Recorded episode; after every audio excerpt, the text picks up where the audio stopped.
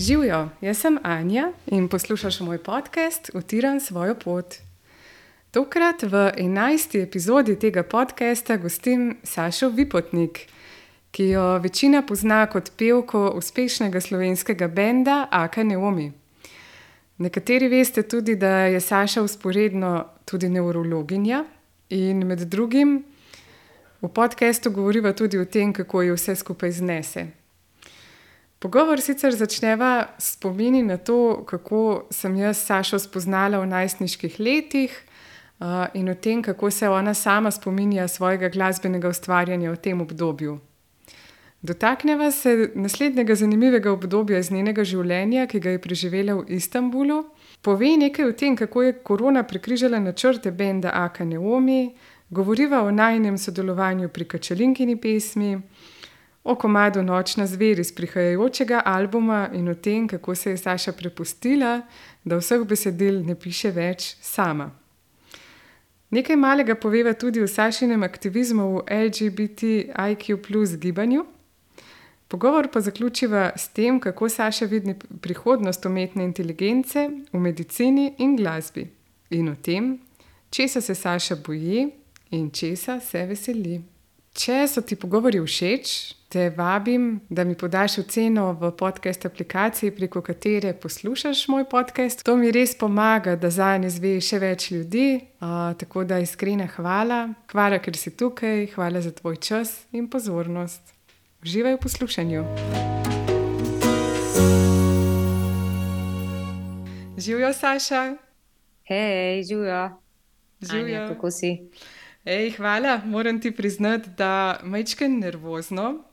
Um, vedno imam tako eno tako straho spoštovanje, ko govorim s tabo, tudi tako, če se ne snima, ker te fully občudujem kot glasbenico uh, in tudi uh, zraven še medicino, mislim pač si zdravnica in vse in tako te res občudujem no, kot osebo. Pa se vedno spomnim, ko začneva klepetati, da si čist. Običajna ženska, tako pač ful preprosta, prijazna, skromna, ampak uh, imam pa zelo kar mal tremeno, priznam. Kako si ti?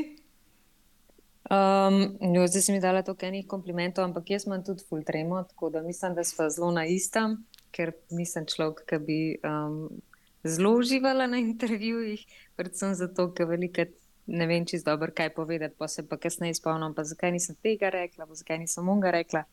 Ampak evo, mislim, da je danes dosta, da lahko narediva dosti sproščeno, da bo lepo tekel. No, da veste.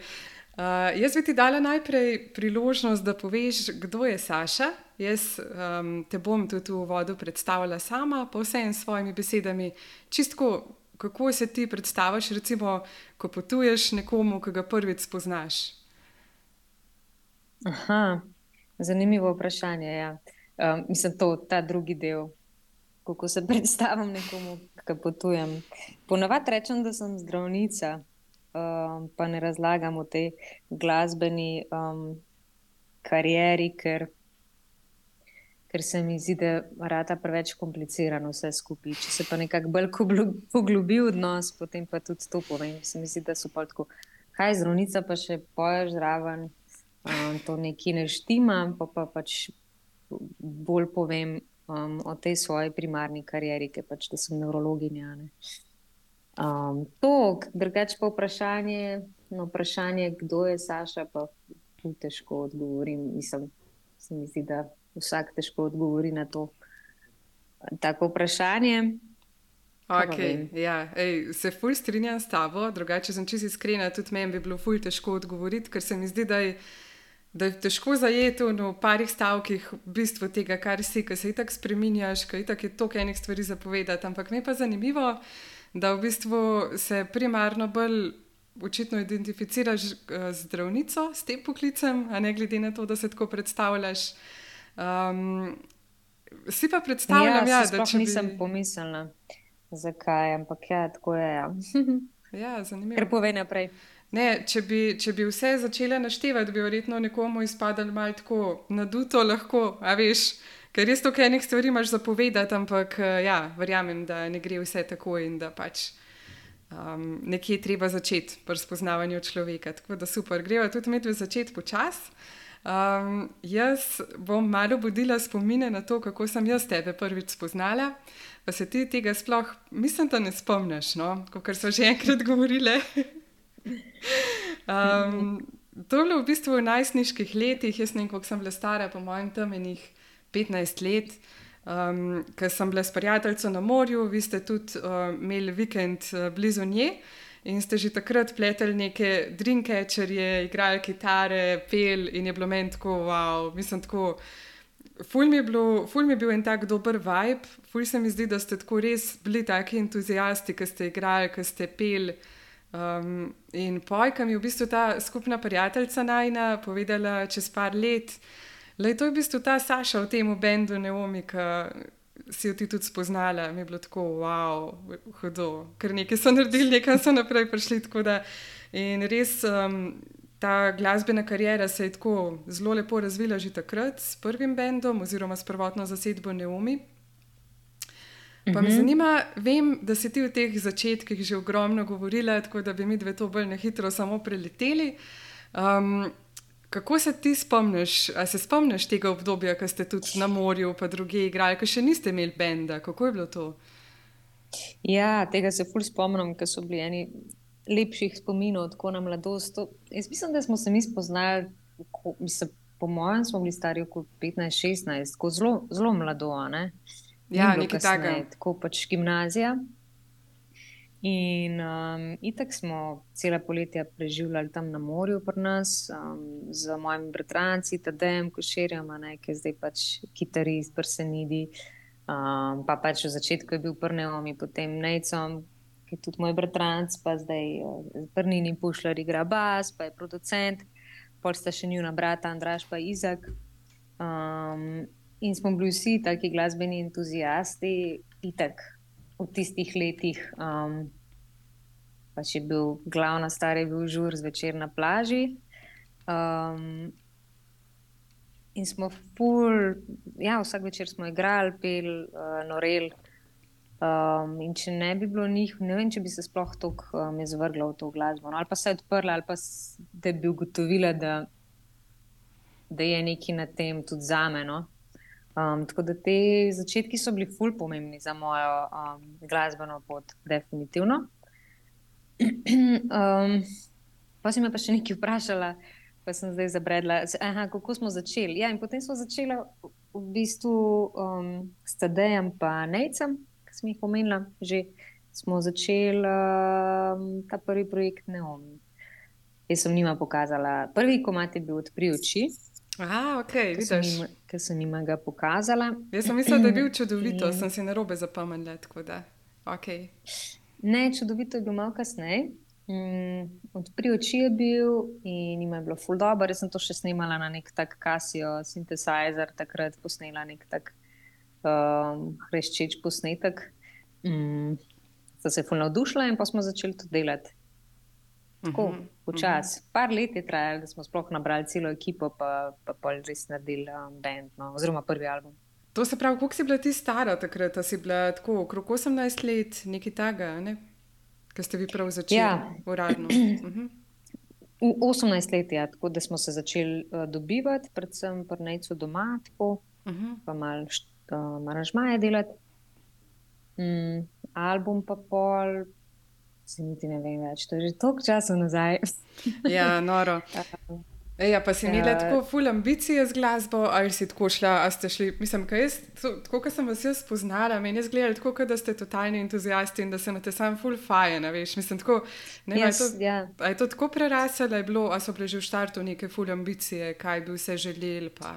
Ne, z moje strani sploh ne, jaz sem v bistvu celo, celo mi je bilo težko pesmi pokazati, ker se mi zdi, da so to neke moje intimne stvari in jih ne morem zdaj kar tako dati nekam. Uh, in pa sta me ona fulsko spodbujala, da je to fajn in da je dober in da dajmo to narediti. Tako da sem pol počasi um, pre, prebila ta led, pa um, postala bolj, ne, ne vem, mogoče odprta, pa tudi samozavestna, um, da smo začeli delati na albumu. In tudi že meni ta ideja pač o albumu se mi zdela super, nikoli pa nisem razmišljala o tem, da bo pa to zdaj pol se še nekaj nadaljevali iz tega. Ne? Uh -huh. Mogoče smo imeli malo različna pričakovanja v tistem času. Uh -huh, uh -huh. Ok, hudo. Ker si pa ti v bistvu istočasno nekako sprejemala odločitve tudi glede študija, glede te svoje medicine. Um, tukaj si pa imela že takoj v štartu idejo, da boš neurologinja ali kako? Uh, ne, ne, zares ne. Um, tudi sama medicina. Pač moja sestra je šla na medicino, ki je 14 let starejša, zdaj se mi je fulž zanimivo, takrat, ko je ona to študirala. Jaz pa nisem čez vedela do zadnjega letnika gimnazije, kaj bi šla naprej, tudi jeziki so me zanimali. Mm, tako pa, pa sem nekako, mogoče v tretjem letniku, sprejela to odločitev ali pa se nagibati začela k temu. Da sem se upisala na medicino, in prvi tri letniki so mi še kar bedni. No? Tako, uh -huh. Če si iskrena, fulje bilo teh um, elementarnih predmetov, kemija, fizika, um, biologija celice, ki so bili dosti težki. No? Um, pa nisem čist videla še tiste klinike, ki je kasneje prišla, ki mi je pa pol dala nekaj več, pa neko zanimanje. Ne? Takrat si ti sam, da si šel čez izpite, da si naredil. Mislim, saj jaz sem tako to doživljala. Uh -huh. Dobra, anatomija je bila zanimiva. V četrtem letniku sem spoznala neurologijo, to je bila prvič sem dobila ta feeling, da mm, to pa je v bistvu ful zanimiv. Uh mhm. -huh. Kaj pa če bila jaz to, sem se mi zdel mogoče kar mal preveč, um, da je ful težko zraven prideti. No, uh -huh. um, da si preveč želim, ali ne vem, tako nek občutek. Um, pa, pa sem začela na tistem področju malo delati, pa eno um, nalogo sem še delala, ki je pol dobila to um, fakultetno preširno nagrado. Čas sem se pol v tej um, smeri začela izobraževati, uh. -huh. pa delati, pa z epilepsijo se ukvarjati. Da, ja, uh. -huh. ni, ni bilo nekih drugih vej, no, ki bi me ful zagrabile uh. -huh. okay. znotraj medicine. Ok, super. Ej, um, k medicini se bomo vrnili še malce kasneje, um, okay. da greva malo nekako po. Um, po tej poti tvoji, tako kot se je razvijala. Zdaj te začetke smo malo preskočili, ker tudi te, verjamem, ni več tako zanimivo o tem govoriti. In tudi poslušalci, ki jih bo zihar zanimali, koga še kaj več o tem, uh, lahko preberejo v tvojih prejšnjih intervjujih. Pa... tako da. Okay, tukaj um. povem, evo, bom, bom povedala, tako da ne bo čuden izpadel. No. Um, če si iskreno, Saša, smo se vnaprej malo usklajevali, v čem bi kaj debata tekla in je tudi ona izrazila nekako. Um, To željo, da te začetke malo preskočiva, kar je čisto ok, ker imamo naprej ful nekih bolj zanimivih tem, Saša, tako da all good. Okay. um, mislim, da, da hočemo vsi slišati malo več o tvojem Istanbulu, Ker Aha, meni si okay. že enkrat omenila, no, ko smo bili na kavi, da um, ti je bila ta izkušnja zelo zanimiva, zelo posebna, tudi z vidika glasbe in ustvarjanja. Uh -huh. um, šla si pa v bistvu tja uh, skupaj s um, Evo Tajo, ne, če se ne motim že. Um, uh -huh. kot, uh, ampak ti si šla takrat. Uh, Na medicinsko uh, ne prakso, nekaj takega, kot na prostovoljno delo, ali vam prav? Um, V bistvu je bila kot izmenjava, no? tako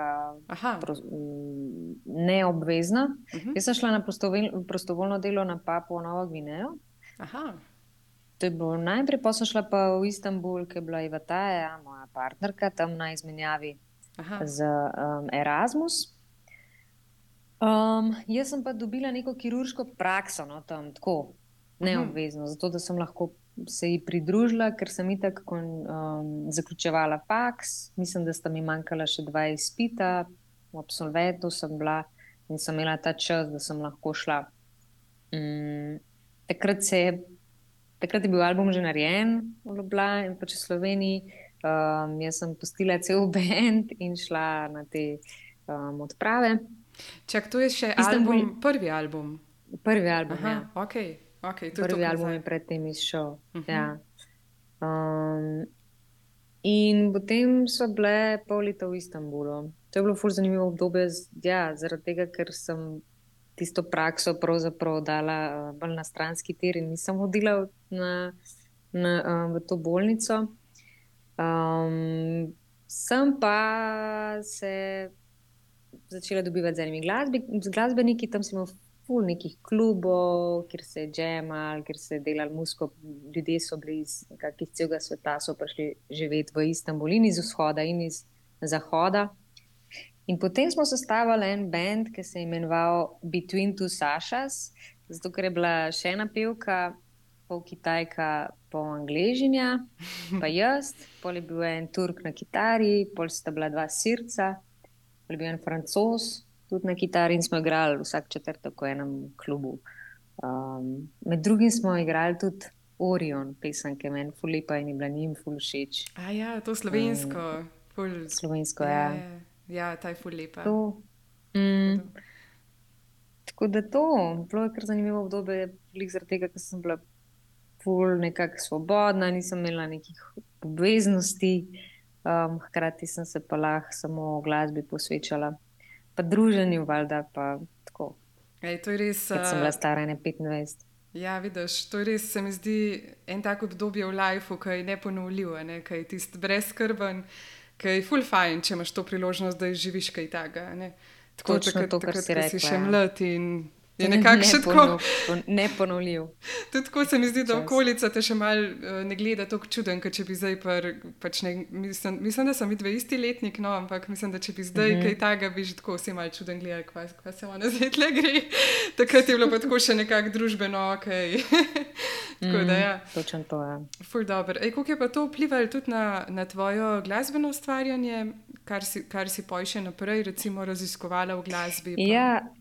Um, v bistvu se mi zdi, da je pol takrat kar, kar enih tak. Mm, všeč mi je ta orientalski melos, ta um, in, in inštrumenti, in pač čist melodika, tako da smo jo pol mečkon, sem jo komponirala tudi v, v svojo glasbo. Ne prve, pa sigurno pač Istanbul pesem, ki je tudi Eva Taja napisala besedilo za njo, jaz pa glasbo smo takoj dal veliko teh elementov noter. Pa takrat je bilo še dosti. Um, um, Če rečeš, da ni bilo še toliko vpliva te, um, tega istambulskega oziroma tega um, uh, vzhodnega melosa, ker recimo se mi zdi, da v Bakantki da je še bolj ja, izrazit. Da se to mislim um, reči. V bistvu smo hoteli reči, da, ni, da Istanbul ni bil tako večplasten, kar se um, glasbenega dela tiče. Um, pol kasneje smo bolj nekako razvijali v to smer. Ja. Bakantka pa sploh ima tega zelo veliko noter. Um, yeah. Ja. Ampak tudi pri ostalih stvarih se mi zdi, da smo kar tudi, tudi v, na albumu Beautiful um, Disaster se, se da to slišati. Um, vem, na White Dove um, so tako določeni elementi, no? mm -hmm. če si pozoren. Fulje tako, ne se mi zdi kot ustvarjalec da te take stvari res bogatijo, ne? če greš potovati, če, greš, če si malo v stiku tudi z drugimi ustvarjalci in tako, da, da ti fulj da um, en nabor, mogoče, veš, kot da bi ta svoj kavček um, napolnila z različnimi vem, vplivi kultur ljudi in sigurno je to super, tako na dolgi rok ja. To si vedno predstavljam, kako so lahko včasih, recimo, ta Rjuči, Sakamoto in uh, pianist, da znan, on je potoval po celem svetu, pa se je ustavil v Južni Italiji in pol tam preživel nekaj časa in je delal musko z glasbeniki tam, pol je šel vem, v Španijo, pa se ukvarjal. Smisli, da takrat je bilo še mogoče več neke te um, diverzitete, kot je zdaj, ker zdaj je ta globalizem. Uh -huh, uh -huh. Mogoče večkrat vplival na to, ne, da, da je glasba tudi se poenotila po celem svetu, čeprav valjda še najdeš. Um, mislim, ja. ne, mogoče sem zdaj krivična, še vedno je full bogata. Ne? Ampak ni več, tok, uh, ni več tako nujno, da greš v en majhen kraj, nekam specifično, da, da ja. dobiš neke te vplive. Vem, kaj misliš. Ja. Da v bistvu po, po svoje plus in minus. Po eni strani, um, tudi če potuješ, mogoče ne začutiš več te avtentičnosti, ki je že vse malce bolj globalizirano, po drugi strani mm. pa prek neta ne, prideš tudi do marsičesa, ki je mogoče včasih bilo nedostopno. Ne. Mislim, ja, res je. Ja. Okay, ej, greva naprej. Um, to se pravi, ko si se vrnila iz Istanbula, si šele Marija spoznala, ne, s katerim zdaj ustvarjaš. Ja, ja. Marija sem spoznala v bistvu zaradi tega, ker je Tadej um, zapustil naš, naš bend, ker je bil ful preveč um, zaseden z drugimi Aha. bendi, pa otroka je dobil, pa nekako ni mu sfolgal. Tako da smo iskali polnoga kitarista, pa ga je Nec pravzaprav um, propel zraven, Aha. smo ga povabili. Lepo spomnim se, da je bila še ena taka hitsna, hitsen začetek, da smo mu rekli, da naj. Mislim, da smo mu dali eno, eno pesem, pa če bi on posnel neko kitaro, pa da naj malo improvizira čez. Mhm. Um, in pa smo mi stali, on je bil noter v snemalni sobi, mi smo ga gledali skozi okno, pa ful se sploh nismo tako dobro poznali. In po mojem, zdaj, ko pomislim, pa kako ga poznam, ne vem, če mu je bilo prav ful v dobro in ugodno, ampak name je naredil ful vtis takrat vse. Joj, Tako da verjamem, Ja, tako se je začel. da je bilo to tako full out of comfort. a Ne? Mm.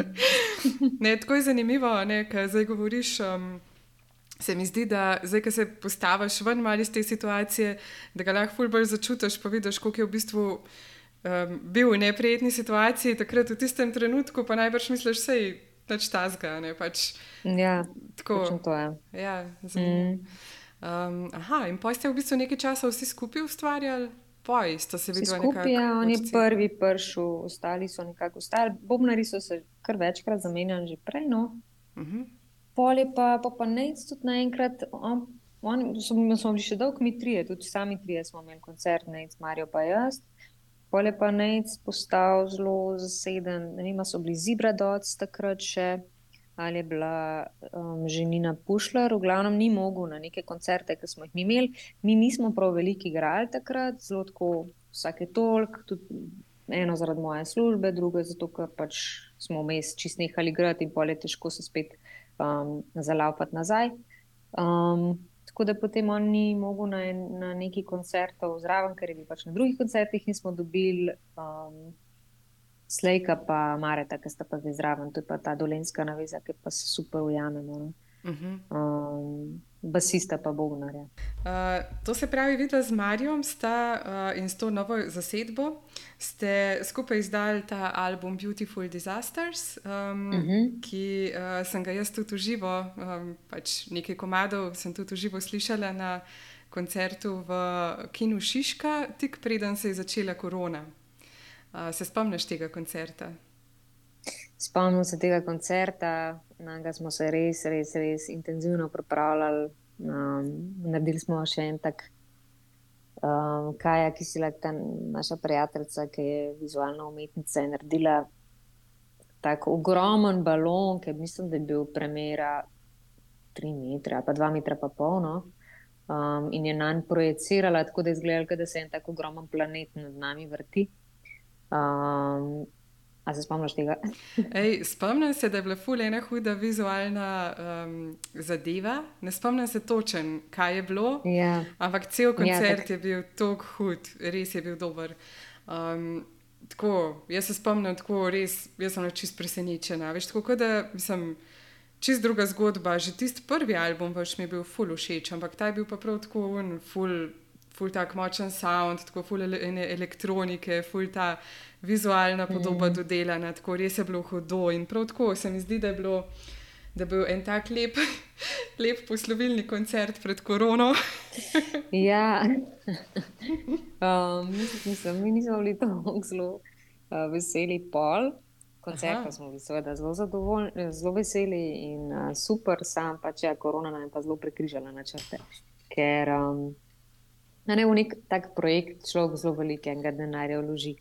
Um, narediš, uh, posna, da posnameš vse v studiu, um, daš printati, ker smo v samo založbi, uh, ne nismo v samo založbi delali, delali smo pa v eni portugalski založbi, sam nekako vse sam finančno krijaš. Mhm. Še celo z Marijo smo si izmislili, da bo imela LP-ke in da ne bojo navadne LP-ke črne, ampak da bojo take malo prosojne, pinki, um, oranžne. ne. Mhm. Pač prav ta plošča, ki jo daš na gramofon. Aha. Um, potem je Jure Brgles je naredil uh, naslovnico, je narisal, um, ki je bil tak nek apokaliptičen svet. Pa dve punci, se pravi, ena drugo rešuje pred uh, neko katastrofo. Um, povabili smo Klemna Klemna, Aleksandro Ilijevski na koncert, tako ful, ful je bil velik dogodek. Mhm, Potem pa klem na klem, da sem malo pozabila. Klemo, klemo ni bilo.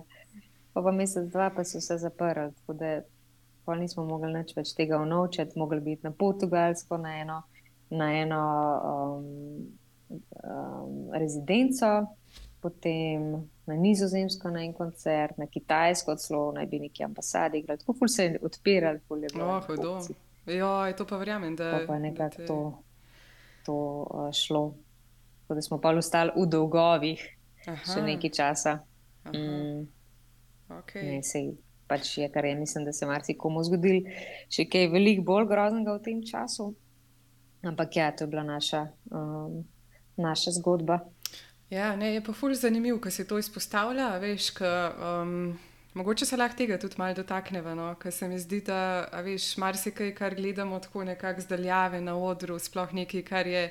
Kar vsi vidimo kot neke uspešne zgodbe, koliko je v bistvu zadnji in finančno, in časovno, in um, ful enega odrekanja, pa ful enih uložkov, ki so nepredstavljivi. Ne? Tako, če nekaj takega, kot je bila korona, prekriža na črte.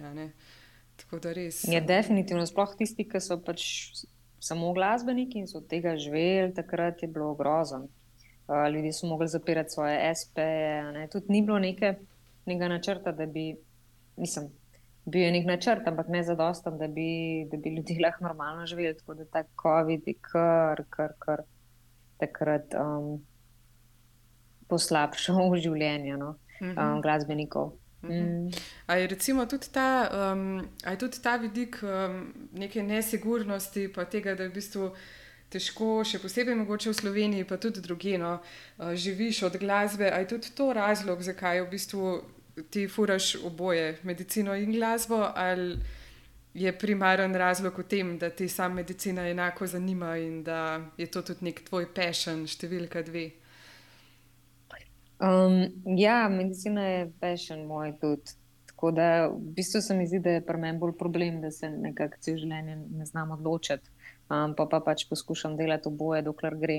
Um, je pa res sigurno, da, da je življenje glasbenika v Sloveniji um, mogoče ni, ni mu poslano z rožcami, a ne sploh kar se financ tiče, tiče mora biti kar uspešen, da lahko dobro živiš in vse to, kar vidimo. Te, pač manjši bendi, um, izvajalci.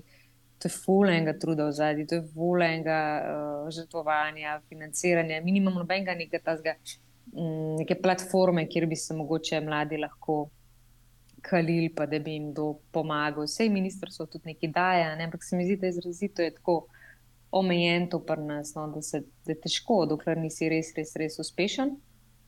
Um, Tako da, verjetno, če bi se samo z glasbo ukvarjala, bi potem mogla delati tudi stvari, ki mi morda niso tako kul. Cool. Mm -hmm. um, ja, to predvsem, pa da mogoče bi izgubila pol nekako to. Um, to Ne vem, kreativnost na ta način, da bi res sledila tistemu, kar jaz hočem. Ali pa ne, le, ne vem. Ja, ja. občutek imam. Zdaj si bolj neobremenjena, ne? zdaj res lahko. Se mi zdi, da sem bolj neobremenjena. Vse zato pa smo šli iz je bil prvi album tak, pa drugi je bil pač tak, tretji bo pa zdaj čist drugačen. Da se lahko malo igramo. Ker se mi zdi, da če, imaš, um, če gradiš na neki karieri, je fajn, da mogoče pa imaš eno kontinuiteto, da ne zgubljaš publike. Publike, ja, ja, itak, itak. Je drug, drug način, definitivno. E, greva se še malo staviti po drugem albumu, pa bomo do tretjega še prišli, ki ga sicer še ni, ne, ampak mm -hmm. nastaja.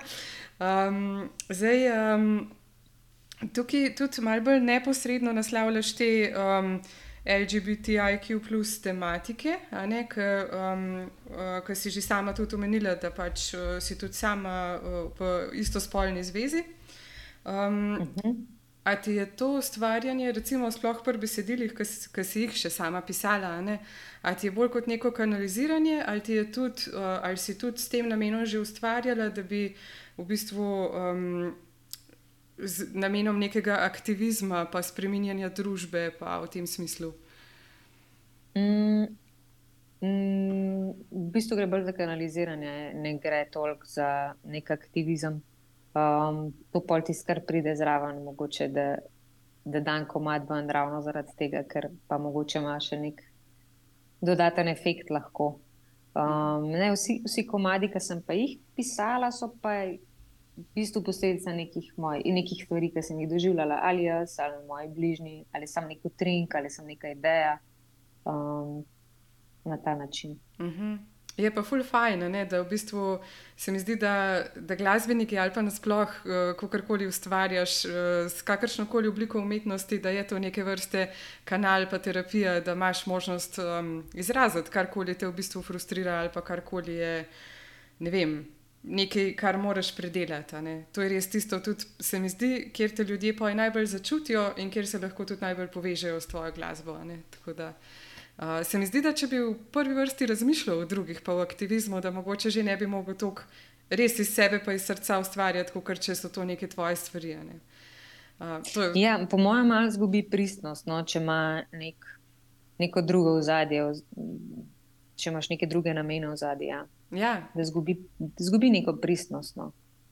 Ja, se strinjam. Ja. Uh, si pa vseeno, zdaj že si rekla, si omenila, si pet let že aktivistka, ne tudi tako, um, pojš tudi na paradi ponosa in tako. Uh, zakaj se ti zdi pomembno, da, a veš, zakaj, zakaj verjameš, da, da je fajn te stvari početi, čeprav uh, kot te sama poznam, no, tako kot sem te imela priložnost spoznati in uh, tako začutiti, se mi zdi, da ti to tako dost izven cone obdobja? Mm, ne vem, kje si sledila pet let, da sem aktivistka. Um, neki so se, po mojem, na robe razumeli. Ne, mislim, na prvi pa, prva parada ponosa, na kateri smo igrali, je bilo po mojem že tako 2013, 2012. A, okay. um, že kar nekaj časa nazaj. Um, to sem bila vedno za in vedno sem jih zdaj prav to podpreti, vedno sem jih zdaj prav biti zraven, um, ker tudi sam mok, pa tišina v bistvu podpira to nevidnost. Ne? Um, če veš, kaj mislim. Um, da, mi ni, da mi je neprijetno govoriti o tem, niti ne, sam ne maram pa nekih zelo intimnih stvari govoriti. Uh -huh. Se mi zdi, da tle pri tem, pač vrati, če si v isto spolnem razmerju, pač si v istospolnem razmerju, da bi pa zdaj razlagal neke intimne stvari znotraj tega razmerja, pa, pa nimam potrebe to deliti, mogoče. Uh. -huh. um, nikoli pa ne skrivam tega, da, da imam partnerko. Ja. Uh mhm. -huh. Zdaj je že dolg čas. No? ja, kul, cool, cool, super. Um, kaj pa se ti zdi, recimo, zdaj, ko so pri aktivizmu, pa glede na to, da imam jaz recimo otroke, pa da marsikdo bo to poslušal, kaj je starš majhnih otrok.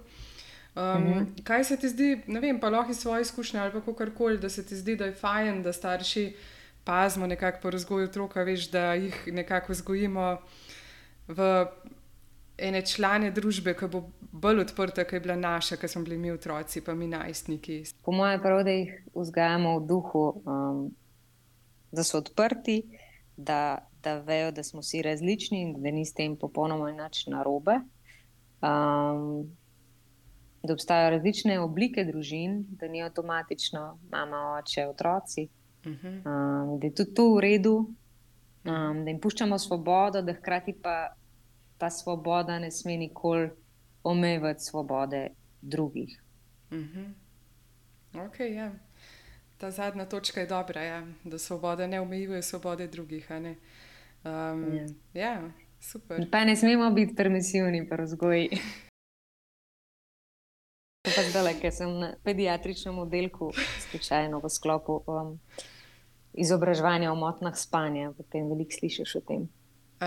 Ampak pustimo to za drugič. Ne, ne vse je dobro, vse je zanimivo. Uh, mislim tako, lej, čist na mestu. Um, bi, bi rekla, da je povezano s tem, ne, da starši otrokom pustijo biti predolgo po konci in da, pač, da, da je to, kaj mhm. vpliva, uh -huh. da gledajo televizijo, preden grejo spat, kaj tasga. To pa v bistvu to, da, da se naučijo, sam, predvsem je tle veliko um, govora o tem, da se naučijo otroci sami spati. Um, ker če ne spijo, sa, um, če jih vedno uspavamo, uh mhm. -huh. v naročju, recimo, potem se pa zbudijo v postli, se vedno ustrašijo, ne, ki so pa zdaj začnejo jokati in hočejo. Ne, to je tako, kot da bi tebe sred spanja odnesel v eno drugo sobo in bi se zbudil in bi bil tako, pač ne bi se samo obrnil in zaspal nazaj, ampak bi. Ne, se malo strašil, kaj se je zgodilo. In tako je isto z otroki. Um, jih moraš v bistvu navaditi, da zaspijo v svoji posli sami in da tudi, ko se zbudijo, vejo, da so bili prej v posli sami. Um, potem spijo naprej. Ampak to so neke take, um, take vedenske terapije, ki je pri nekaterih otrocih pač treba uvajati. Um, ja, in veliko je pol nanašanja na to permisivno vzgojo, kjer se jim pa pač vse dovoli, ampak otrok v bistvu potrebuje meje, da, da se počuti varanga. Uh -huh, uh -huh. Če jih nima, potem je vse čas na nestabilnem območju. Uh mhm. -huh. Ja, v bistvu um, dosežeš ja. slabši efekt. Mislim, ne samo zato, ker imaš ja, razvajenega otroka. Škoduješ, ja. Ja, ja. Ne samo zato, ker je razvajen, ampak dejansko se verjetno tudi on manj varnega počutka, nima nekih meja, ki mu jih ti kot zoporen starš postaviš. Tako da ja, ja. zanimivo. Ampak zdaj praktično citiram eno pediatrinjo. Tako da ne bi preveč pametvala, nimam svojih otrok. okay. Ni panike, ne, to me tako osebno tudi zanima, pa sem te mogla vprašati. super. Ej, zdaj, ki smo glih par otrokih, ne, ja, ok, nimaš svojih otrok, ampak sem bila pa ful, ful um, pozitivno presenečena, da si se odzvala v bilu uh, k sodelovanju za kačelinkino pesem, ki se nanaša na mojo pravljico Kačelinka Čelepinka. Um, uh. -huh. Se je te vse že povedala, no mogoče še za poslušalce. Jaz sem bila res tako. Um, bom povedala celo štorijo, no, ki, ki je tako luštna. Uh, vozili smo se iz enega dopusta nazaj in smo v avtu poslušali Neomi, vaš prvi album. In um, tako meni je bilo itak, mi je bil fulošeč, seveda spet tvoj glas. In sem tako dobila priblisk, joj, kako bi bilo dobro, da bi jaz Sašo naredila komat. Um, Mislim pač tako, da bi ti uh, bila pripravljena sodelovati z mano za pesemco, ki bi se navezvala na mojo pravljico, ki sem jo že takrat načrtovala. Ampak sem bila pripričana, da, boš, da to je tako nekaj čist nedosegljivega. Tudi, ko sem povedala Bojanu, uh, mojemu možu, ne, je rekel tako, ja, le se ji. Dream on, ona je tako. Je čist preveč zaseden človek v življenju, tako da ne, ne, nima ona časa za te. In sem bila res, res uh, presenečena in tudi ful uh, počaščena, no, počaščena, da si se odzvala. Um, pa me zanima, um, se mi zdi, da si dokaj lahkotno to. Um, vem, ta izziv sprejela, pa si pa rekla za nazaj, da ti je v bistvu vzel kar več časa in energije, kot si prvotno mislila, da ti bo. E, kako, ti, kako si v bistvu to vse skupaj doživljala? Ti je bilo tako nekaj čist izven tega, kar počneš. Ne, sem že večkrat razmišljala o tem, da bi mogla kakšne otroške pesmi ali pa že ta je pravzaprav. Um, so se pogovarjali, da bo ona, pisa, ona mislila napisati eno otroško zgodbo, pa sem jaz pa tako, ja, jaz bi pa napisala pesmi za to in mi je bilo to vedno tako nekako v interesu, zdaj se mi ima ta glas tudi za to. Ja, definitivno. Um, tako da, pa, ki si to napisala, sem lahko, ja, zakaj pa ne? Jaz zelo veliko v življenju rečem, ja, pa pa na koncu na, naložim pač tisoč stvari. Uh, ampak niti slučajno mi ni žal drugače. Uh, je pa res, da sem si predstavljala, mogoče to bolj tako lahkotno, kako v mestu v sobi sedela in ful razmišljala in ustvarjala in napisala to pesemco, malo mal tako jogijsko, ki je to jogijska pravljica. Pa, pa, pa so se pa stvari zgodile v življenju, da se mi je valjda takrat zagužval in je pa to, kar je ena še dodatna stvar, um, ki sem imela um, na glavi, ampak sem si pol vse en, sem imela toliko časa in sem uživala v tem, ker sem začela to delati. Um, pa se mi zdi, da je ful dobro izpadalo in sem ful vesela, da pač so se to uh, zmenili, no, all in all. Ja, ful je dobro izpadalo, tudi odzivi so res dobri. Uh, jaz ne vem, če ste kaj spremljali slučajno statistiko na YouTubu, ampak tako tudi ful veliko gledal imajo te posnetki. Ja? Ker uh, jih v vrtcih, menda noro veliko gledajo v šolah, a veš. Delajo tako, Aha. grejo otroci v telovadnico Aha. in delajo, pač dajo na zaslon, plešajo zraven, poslušajo, tako da fulušteno, res. Ful lepo. Včasih tako, veš, slišim kar od kakšnega random starša, ja, a ne tako, ker se spoznamo, recimo, pa povem, ja, ne vem, neki debata nanese na pravljico, pa reče, ja, sej to pa naš otrok v vrtu dela, tako, ščis, je ful, ful lepo, no, tako, ful, ful mi je v čast, tako da, ja, ful dobro. Super, je ful dobro. Zdaj sem tudi prevedla. Ja, enako. Jaz sem tudi prevedla to pravljico, no, tako da zdaj tudi najem prevod uh, v angliško različico. Aha. Uh, končno zagleda, ogleda luč sveta, tako da sem full vesela. No. Um, ja. Um, ej, zdaj, ko smo pri tem otroškem glasu, ne, pa v bistvu pri tej kačelinkini pesmi, glih usporedno s tem se je pa odvijala tudi ta divja zver, ne, ta vaš. Um, mislim, da prvi hit, um, ki bo tudi na novi uh mhm. -huh. plošči. Uh, uh -huh. Ki je spet šel čisto v eno drugo smer, v tak res um, velikega humorja, ima zraven. No? Tako se mi zdi tudi velik spet ene uh, tega. Saj jaz sem tako začutila, no, da gre spet za neko tvojo zgodbo, ki se tebi dogaja, da govoriš iz svojega življenja. um, okay. okay. Ja, Mogoče ali pa iz zgodovine ali pa kaj tasga, ne vem. Ma, v bistvu niti ne. Um, mislim, do neke mere, kakšne stvari, sigurno. Um, ampak ja, to je prvi singel iz prihajajočega albuma, pa so skupaj stala napisale besedilo. No, te kitice, v bistvu so si sam predstavljali eno. Um, nekoga od nas, pač jaz mislim, da se lahko vsak s tem poistoveti. No. Ja. Um, vsak, sigurno, imel nek tak večer, ki je z nekom šel na razen, pa se tega pač nisi želel, in potem greš s svojimi prijatelji ven in če zapretiravaš, in ful preveč spiješ, in pol delaš neumnosti. Potem, ja. Želiš si pa, da bi vseeno se ne bi to zgodilo, ne? da bi ta oseba te imela še naprej rada ali pa bi želela biti s tabo. Tako. Ta varko. Na tak humoren način uh, povedan, pa video spot je polušten izpadel. Ja. Uh, prijatelj je prišlo zraven. Tako. Varko pa zmaga, nekaj na koncu, varko vrže ven. varko vr ja. Ja, se pravi, do te mere se ga napije, da, da varko ima dosti in jo vrže ven njo in dve njeni prijatelji. Ja, ja, top, res dober. Um, ej, in se hočela se v bistvu na to navezati, no, s tem, kar sem to omenila, da si polna enih nasprotij. Po eni strani imaš ta otroški glas, po drugi strani zelo taka lahko darkarska veš, ustvariš neke darkarske komade ali pa zelo take divje, kot je divja zver. Um, po eni strani glasba, po drugi strani medicina. Tako, uh, to je tudi eden od razlogov. Nočna zver.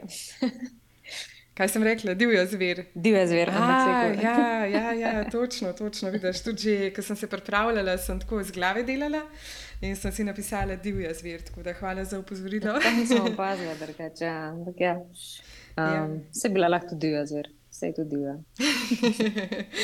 tako da, ja.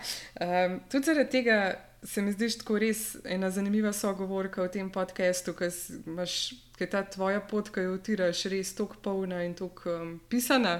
Tako da res super. Um, evo, zdaj pa je prišel tisti trenutek, ko bi se lahko mi dve še malo medicine dotaknili, če si za. Aha, um, okay.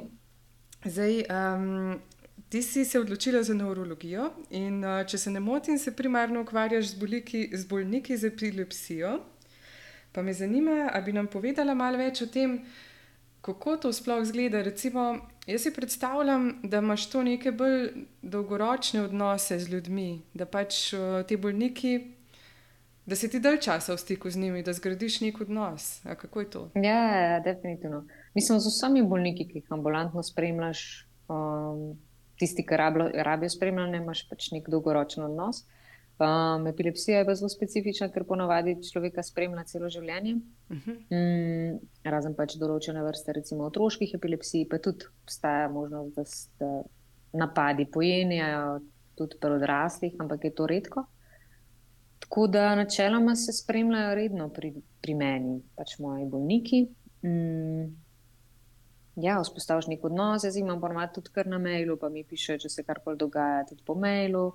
Um, če treba, sploh takrat, ki je treba recimo terapijo, kaj prilagajati ali pa spremenjati, um, je težko, ne, z vsemi temi ambulantnimi, pa administrativno to rešiti, tako da se polkar uh mhm. -huh. po mailu vse to dogovarjamo. Lepo je. Um, je pa tako z epilepsijo, ne, v dveh tretjinah lahko pozdraviš, mislim, lahko zdraviš preprečuješ napade zdravili, ena mhm. tretjina je pa tistih, ki so rezistentni in ti so pa bolj kompleksni, potem pa je treba pa še kakšne druge načine zdravljenja najti, na nekaj operacije, naprimer, in tako naprej. Uh mhm. -huh. Ok, zanimivo. Kako te pa pa to obremenjuje, vseeno, veš to, da ne vem, tako kot praviš sama, da ti pišejo tudi na privatne maile. Verjamem, da po eni strani je ta res Na občutek. službene maile. Aha, ok, a ok. Mm. okay ja, itak. Ampak, veš, po eni strani je Ki ga ta lahko tudi doma odprem. in na telefonu, in na dopustu. ja. ja, poznam, zdaj smo res prišli v ene take čase. Ampak se mi zdi, da pri medicini pa to še sploh drugače. Ne? Pri ostalih poklicih, mislim, večini ostalih poklicev si rečeš, ok, sej. Ni panike, služba počaka do jutra, problemi ne bodo nikamor šli. Um, pri medicini se mi pa zdi, da je mogoče malo več te obremenjenosti, ker imaš res to odgovorno delo, ne pač dejansko ne vem, kako ti to handlaš. No? Imaš težave s tem ali niti ne? Um, ja, imaš vsake toliko, kakšno stvar vlečeš domov in um, te bremeni ne, za dlje časa. Sploh, če je kdo kdaj nestabilen, če ima kdo kakšne težave, če mu ne znaš, predvsem, če ne znaš pomagati, ne, kar se pač doskrat zgodi, da ne znamo pomagati, ker nismo še tam. Um, V smislu znanja sigurno- nasploh, ne vprosti. ja, ja. v smislu, recimo, pri epilepsiji se lahko stanje tako poslabša, da so napadi vedno bolj pogosti, ti mu spremenjaš terapijo, pa ni nič boljša. Ne. Mhm. Um, to te sigurno bremeni. Potem ne vem, na urgenci se tudi grozne stvari lahko dogajajo, ker se akutno nekomu, nekomu življenje čisto spremeni. Mhm. Um, mm, ali pa nekdo hudo zboli. Ne? Sploh mladi ljudje to, to tudi, to tudi mm, neseš domov. Je pa tako, da ti maili, ja, sigurno te na nek način te bremenijo, ampak je fajn, da imaš tiste, ki takrat, ki v določenem obdobju rabijo tvojo pomoč, da si, da si, ja, jaz tako delam, da sem malo bolj pozorna, da, imam, da jih imam ne vem, en seznam pacijentov, s katerimi se eno obdobje malo več ukvarjam. a ne. Mhm. Se pa zgodi lahko, da je tega v eni točki preveč. Vem, da starejši kolegi imajo pa že več pacijentov, da potem v eni točki ne morejo več na ta način. Tako da ne vem, bomo videli, kako bo. a. Ja, ja. Okay. Je pa vse en, ja. Verjeten, a ne, ker v medicini veliko tudi timing šteje, ne, da je vse en fajn, da ti do enih informacij prideš pravočasno, ne, če so neke spremembe, tako kot si rekla, da te sami kontaktirajo direktno, ne, pa da bi, da bi se to olekali spet z nekimi, ne vem, napotnicami ali pa kakorkoli. No. Tako si predstavljam. Mogoče imam ful napačne predstave.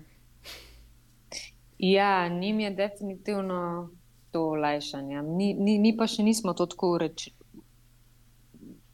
um, uredili, da bi pač to ni obračunano. Recimo, ne. Mhm. pač to, tako da Ja, ja. ja, ene stvari je treba še malo modernizirati. Ampak se Ja. bomo zdaj, kaj že bomo eh, digitalizirali vse. Jo, ja.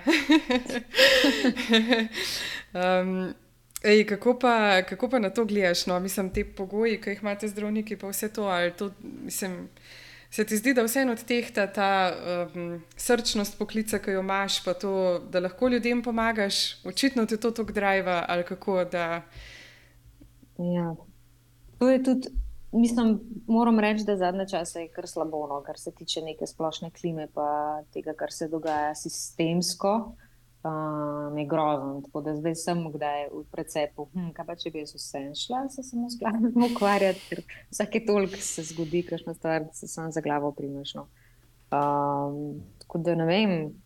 Tako, pa kar naenkrat se mi zdi, da včasih sem imela več enega optimizma, zdaj se mi pa kar zdi, da nekako gre vedno na slabše. Se mi zdi, pa, da če bomo izgubili ta optimizem, je pa to najslabše, kar se lahko zgodi. Ja, to je res.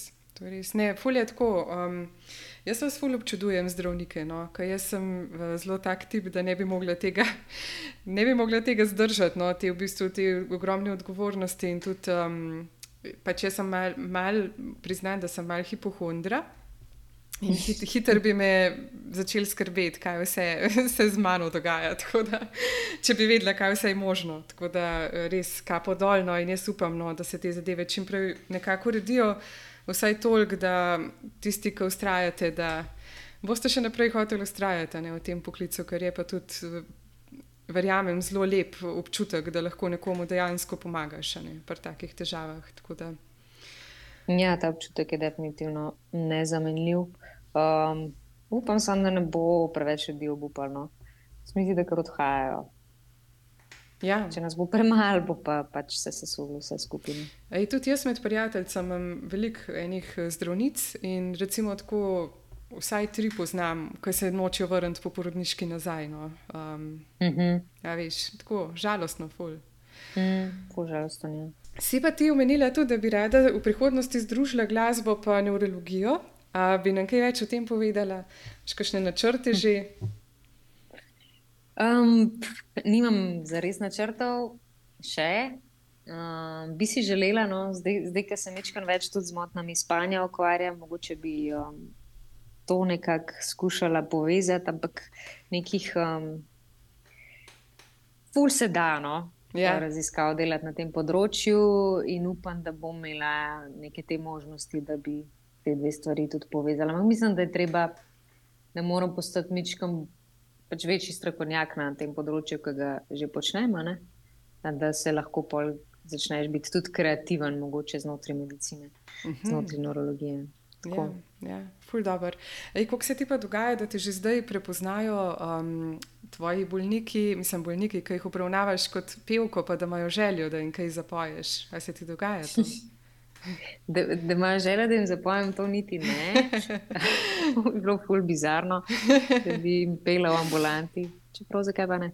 Um, um, so pa, ja, kakšni, ki se pri meni spremljajo, vejo, da se z glasbo ukvarjajo, pa me pol vedno na koncu vprašajo, kako pa kaj, okay, bojo kakšni koncerti, pa tako. Um, ni pa, da bi se mi zdaj na dnevni bazi dogajalo, da bi, da bi govorila, da je pa ta pevka. Se mi zdi, da vse nismo tako um, tako vidni. No?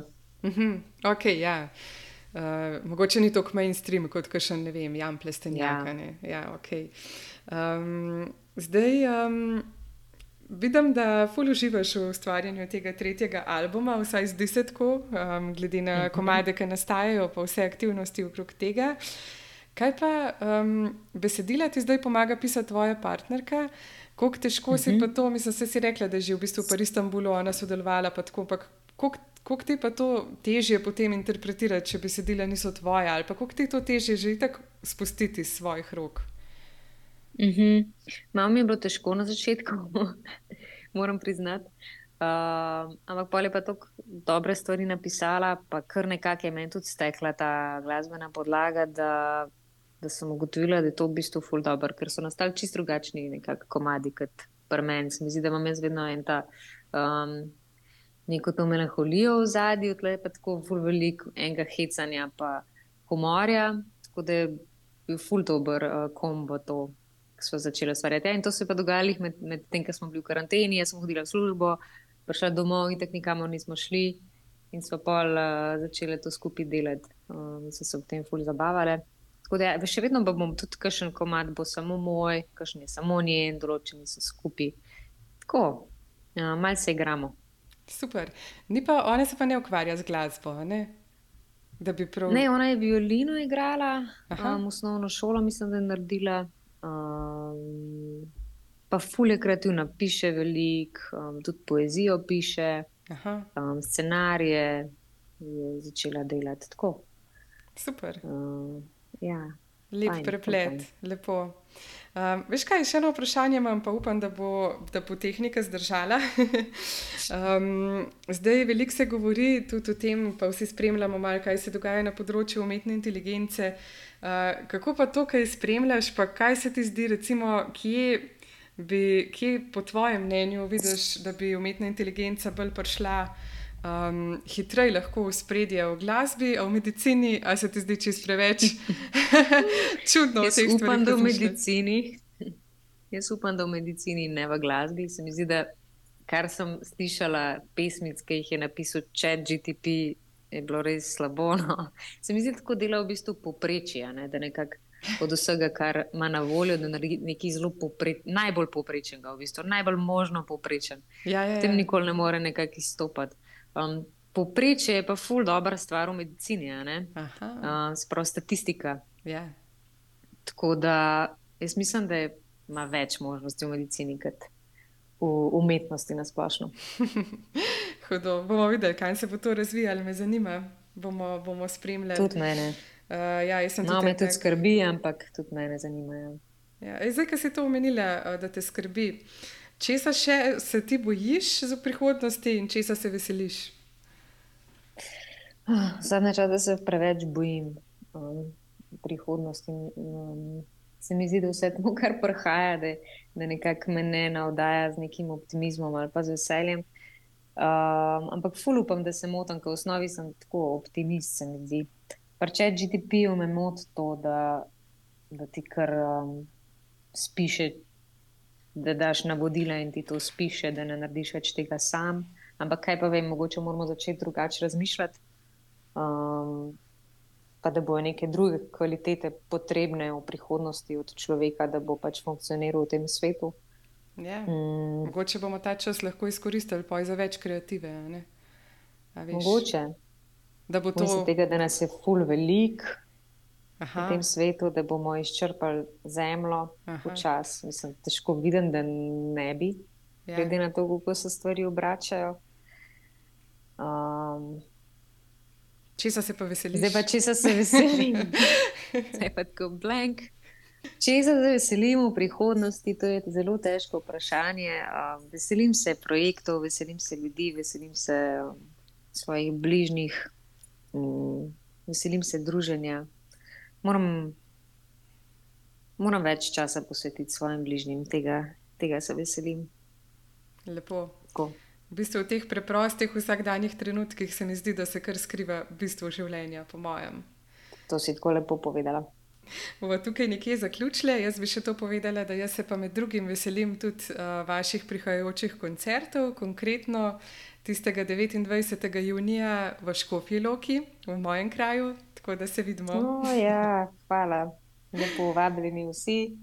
Jaz se tudi veselim, da se začnejo koncerti zdaj lepo let. Imamo kar par lušnih stvari. Super. Saša, Hvala, Anja, za jaz, povabilo. Ja, enako jaz bi se ti tudi rada res lepo zahvalila. Fulj je bilo prijetno klepetati s tabo, tako da uh, upam, da niso bile predolge, ker vem, da imaš zelo zaseden urnik, tako da res cenim tvoj čas. Ne, super je bilo, uh, fino. Ni, uh, trema je tako išla, tako da hvala ti. Še kdaj? Zmenen. Ok, čau. Ciao.